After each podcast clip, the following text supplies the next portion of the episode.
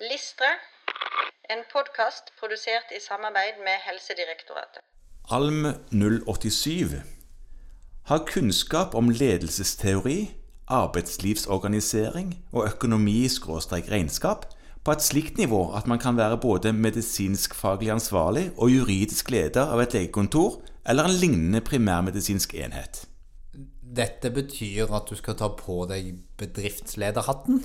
Ja, eh, Dette kan jeg ikke huske at jeg lærte så veldig mye om på medisinskolen. Nesten ingenting. Nei. Nei.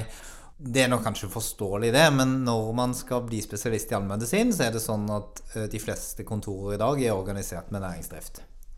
De aller fleste. Aller fleste. Og derfor så tar han inn at for å bli spesialist, altså for å kunne drive selvstendig legevirksomhet, så må du ha kompetanse på hvilke lover og regler som gjelder for det. Ja. I hvert fall i en sånn grad at det er forsvarlig at du driver det.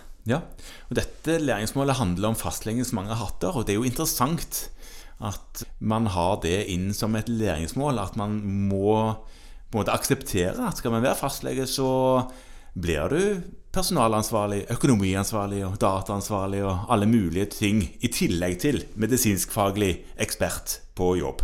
Ja, for det som står her om å være medisinsk eh, faglig ansvarlig, det, det er kanskje den rollen flest naturlig påtar seg, og tenker at det er naturlig. Ja, Når man går på doktorskolen, så er det jo det man tenker man skal jobbe som, Ja. ikke juridisk ansvarlig. Nei, samtidig som jeg tror at det er lett å glemme hva det betyr å være medisinskfaglig ansvarlig.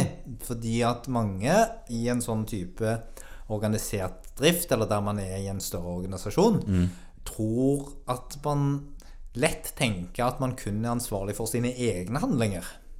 Ja, ja nei, man, man, man har en del som jobber på delegert ansvar, som det heter. Ja, Ja. Og, og det å, å på en måte sette seg inn i og reflektere rundt dette, det er nødvendig at man er klar over før man får lov til å kalle seg spesialist. Igjen så er det emnekursene dette skal drøftes om, eh, på det mer teoretiske og, øvelsesmessige området. Og så er det noe de aller fleste bør bruke litt tid på å sette seg inn i mens man er under utdannelse, sånn at man tilegner seg forsvarlig kompetanse. Ja, Og den sånn forsvarlig kompetanse, det kan man lese seg til, faktisk.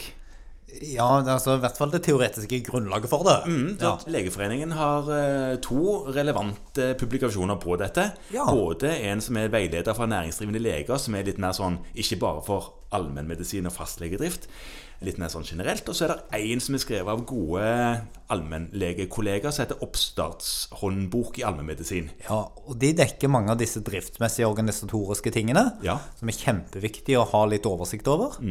Og så finnes det også ganske mange andre, altså til og med banken din tilbyr deg kurs Ja. i, i ting som har med næringsdrift å gjøre. Ja. Så, så vær litt sånn åpen for det, og særlig kanskje mens man da er under spesialisering, slik at man får med seg mest mulig av dette. Og så eh, er jo veldig mange nye kollegaer velsigna med erfarne kollegaer på sitt kontor, som det går an å dra veksler på. Mange av de har gjort en god jobb i mange år, sånn at hør på hva de har å si.